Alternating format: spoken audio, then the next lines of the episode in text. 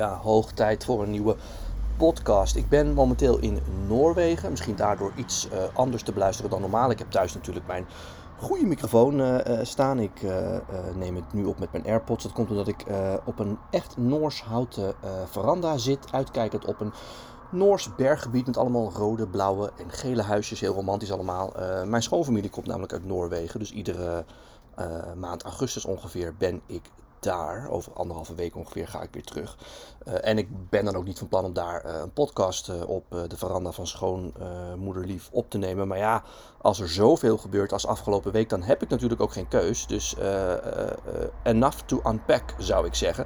En ik heb heel veel vragen ontvangen, onder andere via Instagram, LinkedIn en Twitter. Nogmaals het verzoek, blijf dat doen, want zo zie je maar, er kan zomaar een extra podcast uitkomen. Maar die vragen, die gebruik ik natuurlijk ook om mijn podcast te maken. Dus stuur die vragen als je die hebt op en dan komen ze ongetwijfeld allemaal van pas. Zelfs als ik hier lekker op een uh, Noorse veranda naar een heel mooi Noors landschap uh, kijk.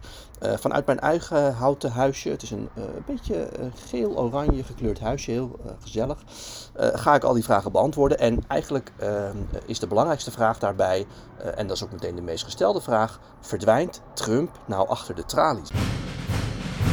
Ja, en om maar meteen met de deur in huis te vallen. Voorlopig in ieder geval niet. Ik denk eerlijk gezegd dat het helemaal niet gaat gebeuren, maar voorlopig in ieder geval niet. Want we moeten denk ik eerst even uh, kijken wat er nu precies aan de gang is. Waarom is er nu die inval geweest van de FBI in de woning van Trump, Mar-a-Lago, oftewel het Winter-Witte Huis? Ja, dat komt omdat er al een tijdje een discussie gaande is tussen de nationale archieven, de National Archives, en uh, de mensen om Trump heen die in zijn Witte Huis uh, hebben gewerkt. Zij zeggen, uh, toen Trump het Witte Huis verliet, heeft hij niet keurig alle documenten overgedragen aan de nationale archieven. Dat moet wel, zeker documenten die echt staatsgeheimen bevatten.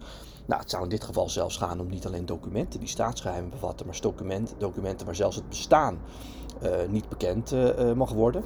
Veel gevraagd ook de afgelopen tijd, wat staat daar dan op? Ja, dat kan van alles zijn, maar denk bijvoorbeeld aan een, een, een, een, grote uh, terroristenactie die de Verenigde Staten wereldwijd aan het voeren zijn, waar niet bekend van mag worden dat die uitlekt bijvoorbeeld. Maar het kan ook gaan over waar de lichamen van buitenaardse wezens begraven liggen. Dat kan van alles zijn. maar Trump heeft ze in ieder geval niet overgedragen. Dat kan hij expres gedaan hebben.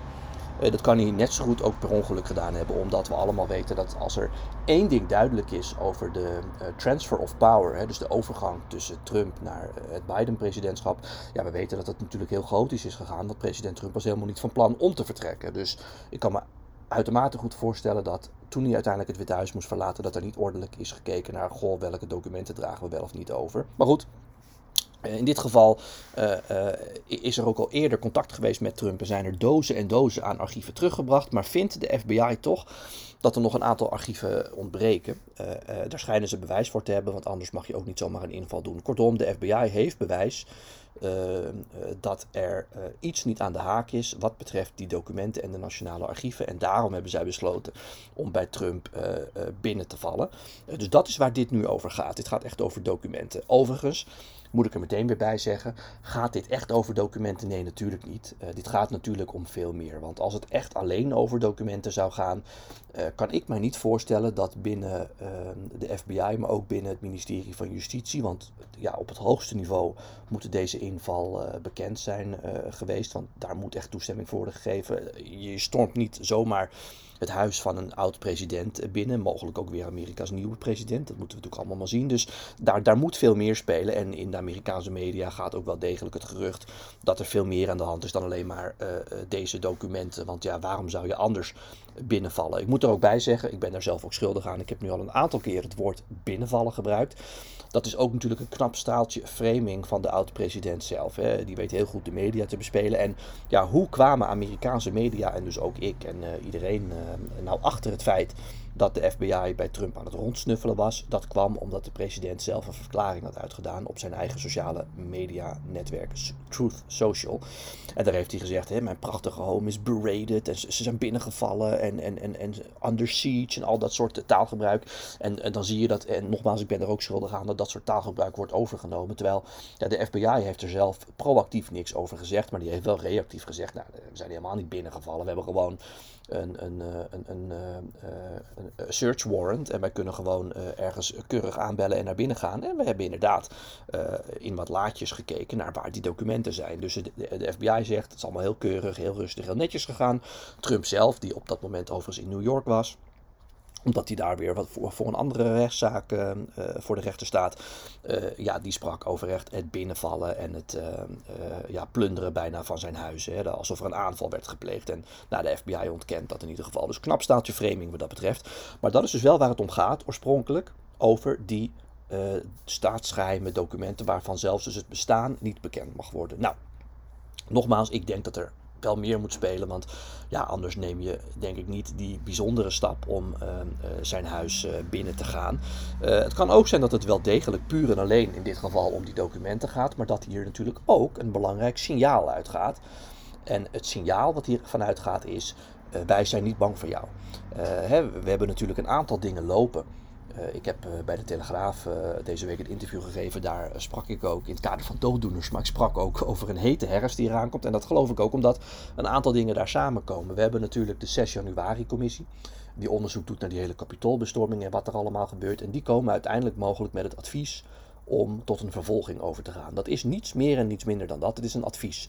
De minister van Justitie moet uiteindelijk bepalen of hij daar trek in heeft. Nou, ik denk niet dat hij daar trek in heeft, maar ik denk dat hij misschien ook wel niet kan weigeren omdat wat je het liefst natuurlijk in dit soort situaties doet, uh, dat doe je eigenlijk bijna hetzelfde als wat er ook met Richard Nixon is gebeurd. Dan, uh, dan geef je de oud-president een pardon.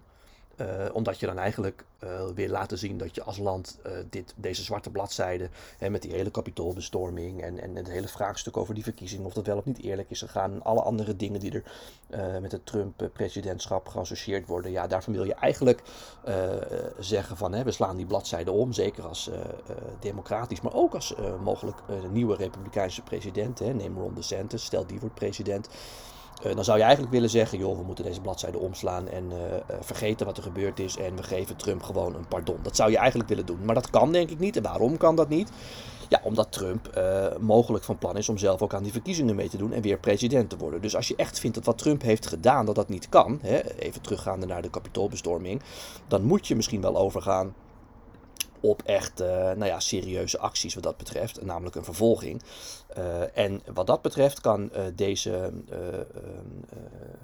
ja, deze actie van de FBI om toch Mar-a-Lago ehm, binnen te gaan een soort waarschuwingsschot zijn.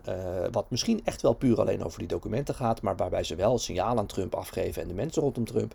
Wij zijn niet bang voor jou. Wij zijn niet bang om onze handen aan jou te branden. Wij gaan nu zelfs Mar-a-Lago binnen. Wat hoogst, hoogst, hoogst ongebruikelijk is om te doen bij een oud-president. Uh, maar we gaan het toch doen, want wij denken dat jij documenten achterhoudt. Of dat nou expres of per ongeluk is, dat maakt niet uit. Die documenten liggen daar, die willen we hebben.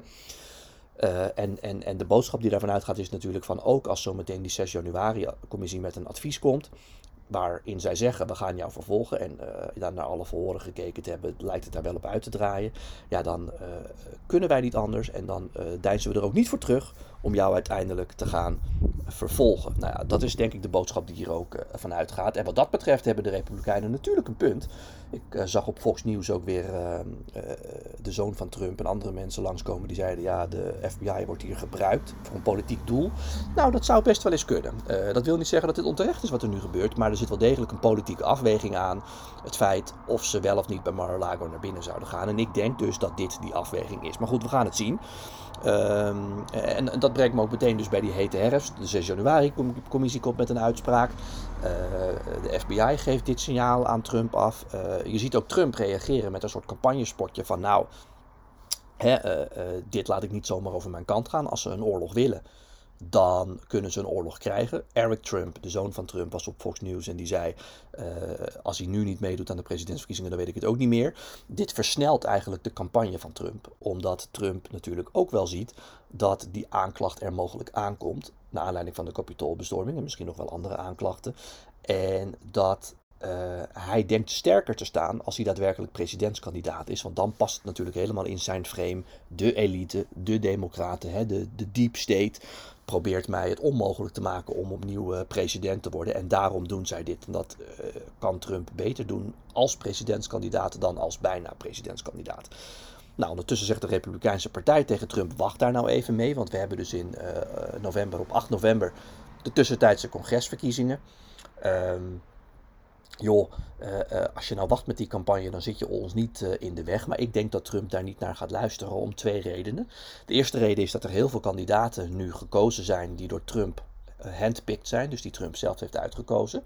Nou, waarom zou hij dan niet uh, uh, daarvan profiteren als hij die campagne lanceert en ook uh, voor hun heel vaak op, op campagne gaat en voor een deel ook voor zijn eigen al meteen campagne voert. En die verkiezingen worden straks gewonnen, ja, dan kan hij meteen zeggen, kijk eens, dit komt door mij. En al die negatieve berichten in de media van Trump is een soort anker wat al die republikeinse kandidaten naar beneden trekt. Uh, en, en, en, en, Trump heeft een negatieve invloed op de verkiezingsscores van de Republikeinse Partij. Ja, al die argumenten kunnen dan de prullenbak in. En voor zover nog niet duidelijk is dat Trump dan echt de koning van de Republikeinse Partij is, is het dan wel duidelijk. Dus Trump denkt, om meerdere redenen moet ik zo snel mogelijk mijn kandidatuur bekendmaken.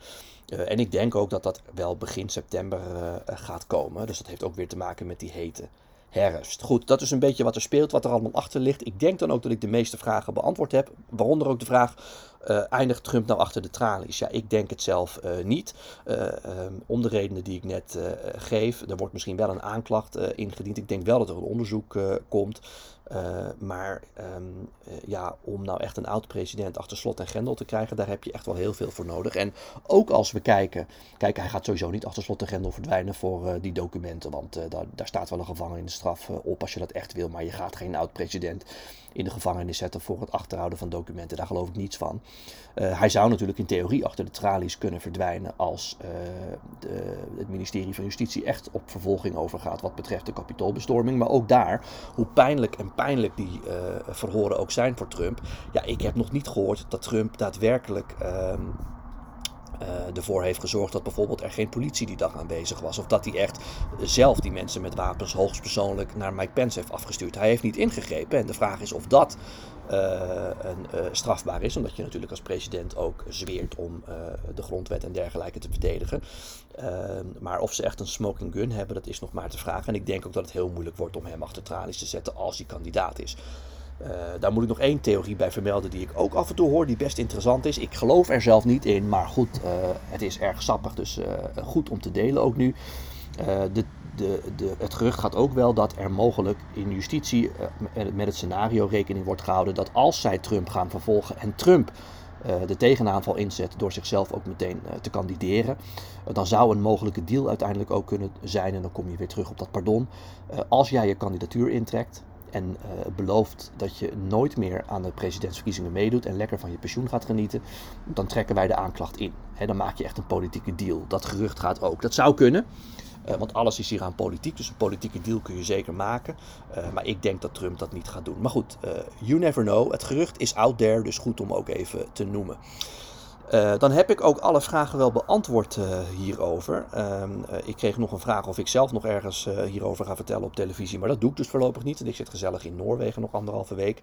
Ik krijg ook vaak de vraag: ga je nog steeds aanschuiven bij Vandaag Inside? En dat ga ik nog steeds. Daar heb ik ook veel zin in. Ik geloof dat het seizoen volgende week weer begint. Na een week daarna zal ik me ongeveer wel melden. En Verder, dat is ook wel belangrijk om te vermelden, krijg ik heel veel vragen over Hunter Biden en ook over Nancy Pelosi en haar familie. Die zouden namelijk ook tot op het bot uh, corrupt zijn en uh, waarom ik daar dan geen aandacht aan besteed. Nou, daar besteed ik wel aandacht aan. Ik heb ook al eerder een podcast daarover gemaakt, in april al, over Hunter Biden, dus kijk die vooral uh, even na. en ik denk eerlijk gezegd dat we dit najaar nog wel vaker over Hunter Biden en misschien ook wel de familie van Nancy Pelosi gaan, vragen, gaan praten, want daar gebeuren zeker ook dingen die niet door de beugel kunnen. Alleen ik heb nooit zoveel met het hele whataboutism. Hè? Dus dat je zegt van ja, maar uh, Trump hele slechte dingen gedaan. Oh, maar laten we het dan vooral over Hunter Biden hebben. Ik praat over Hunter Biden als Hunter Biden een probleem is. ik ben ook niet te beroerd om over de familie van Nancy Pelosi te praten als daarover gesproken moet worden. Maar deze week speelt in het nieuws Trump. En niet zonder reden. Dus goed om daar uitgebreid bij stil te staan. Goed, dank voor het luisteren. Opnieuw, blijf vooral al je vragen opsturen, want niet alleen vind ik dat alleen maar heel erg leuk, maar het is de fundering van dit kwartiertje. Uh, waarin ik jou bijpraat over Amerika, die vragen die jullie sturen. Dus nogmaals, stuur die gewoon op. En dan uh, komt er binnenkort weer een nieuwe podcast. Er speelt heel veel, dus ik kan me heel goed voorstellen dat volgende week weer, dat ik weer een nieuwe podcast opneem vanuit dit heerlijke terras hier in Noorwegen. En anders weer als ik in Nederland ben. Tot zover. Tot dan.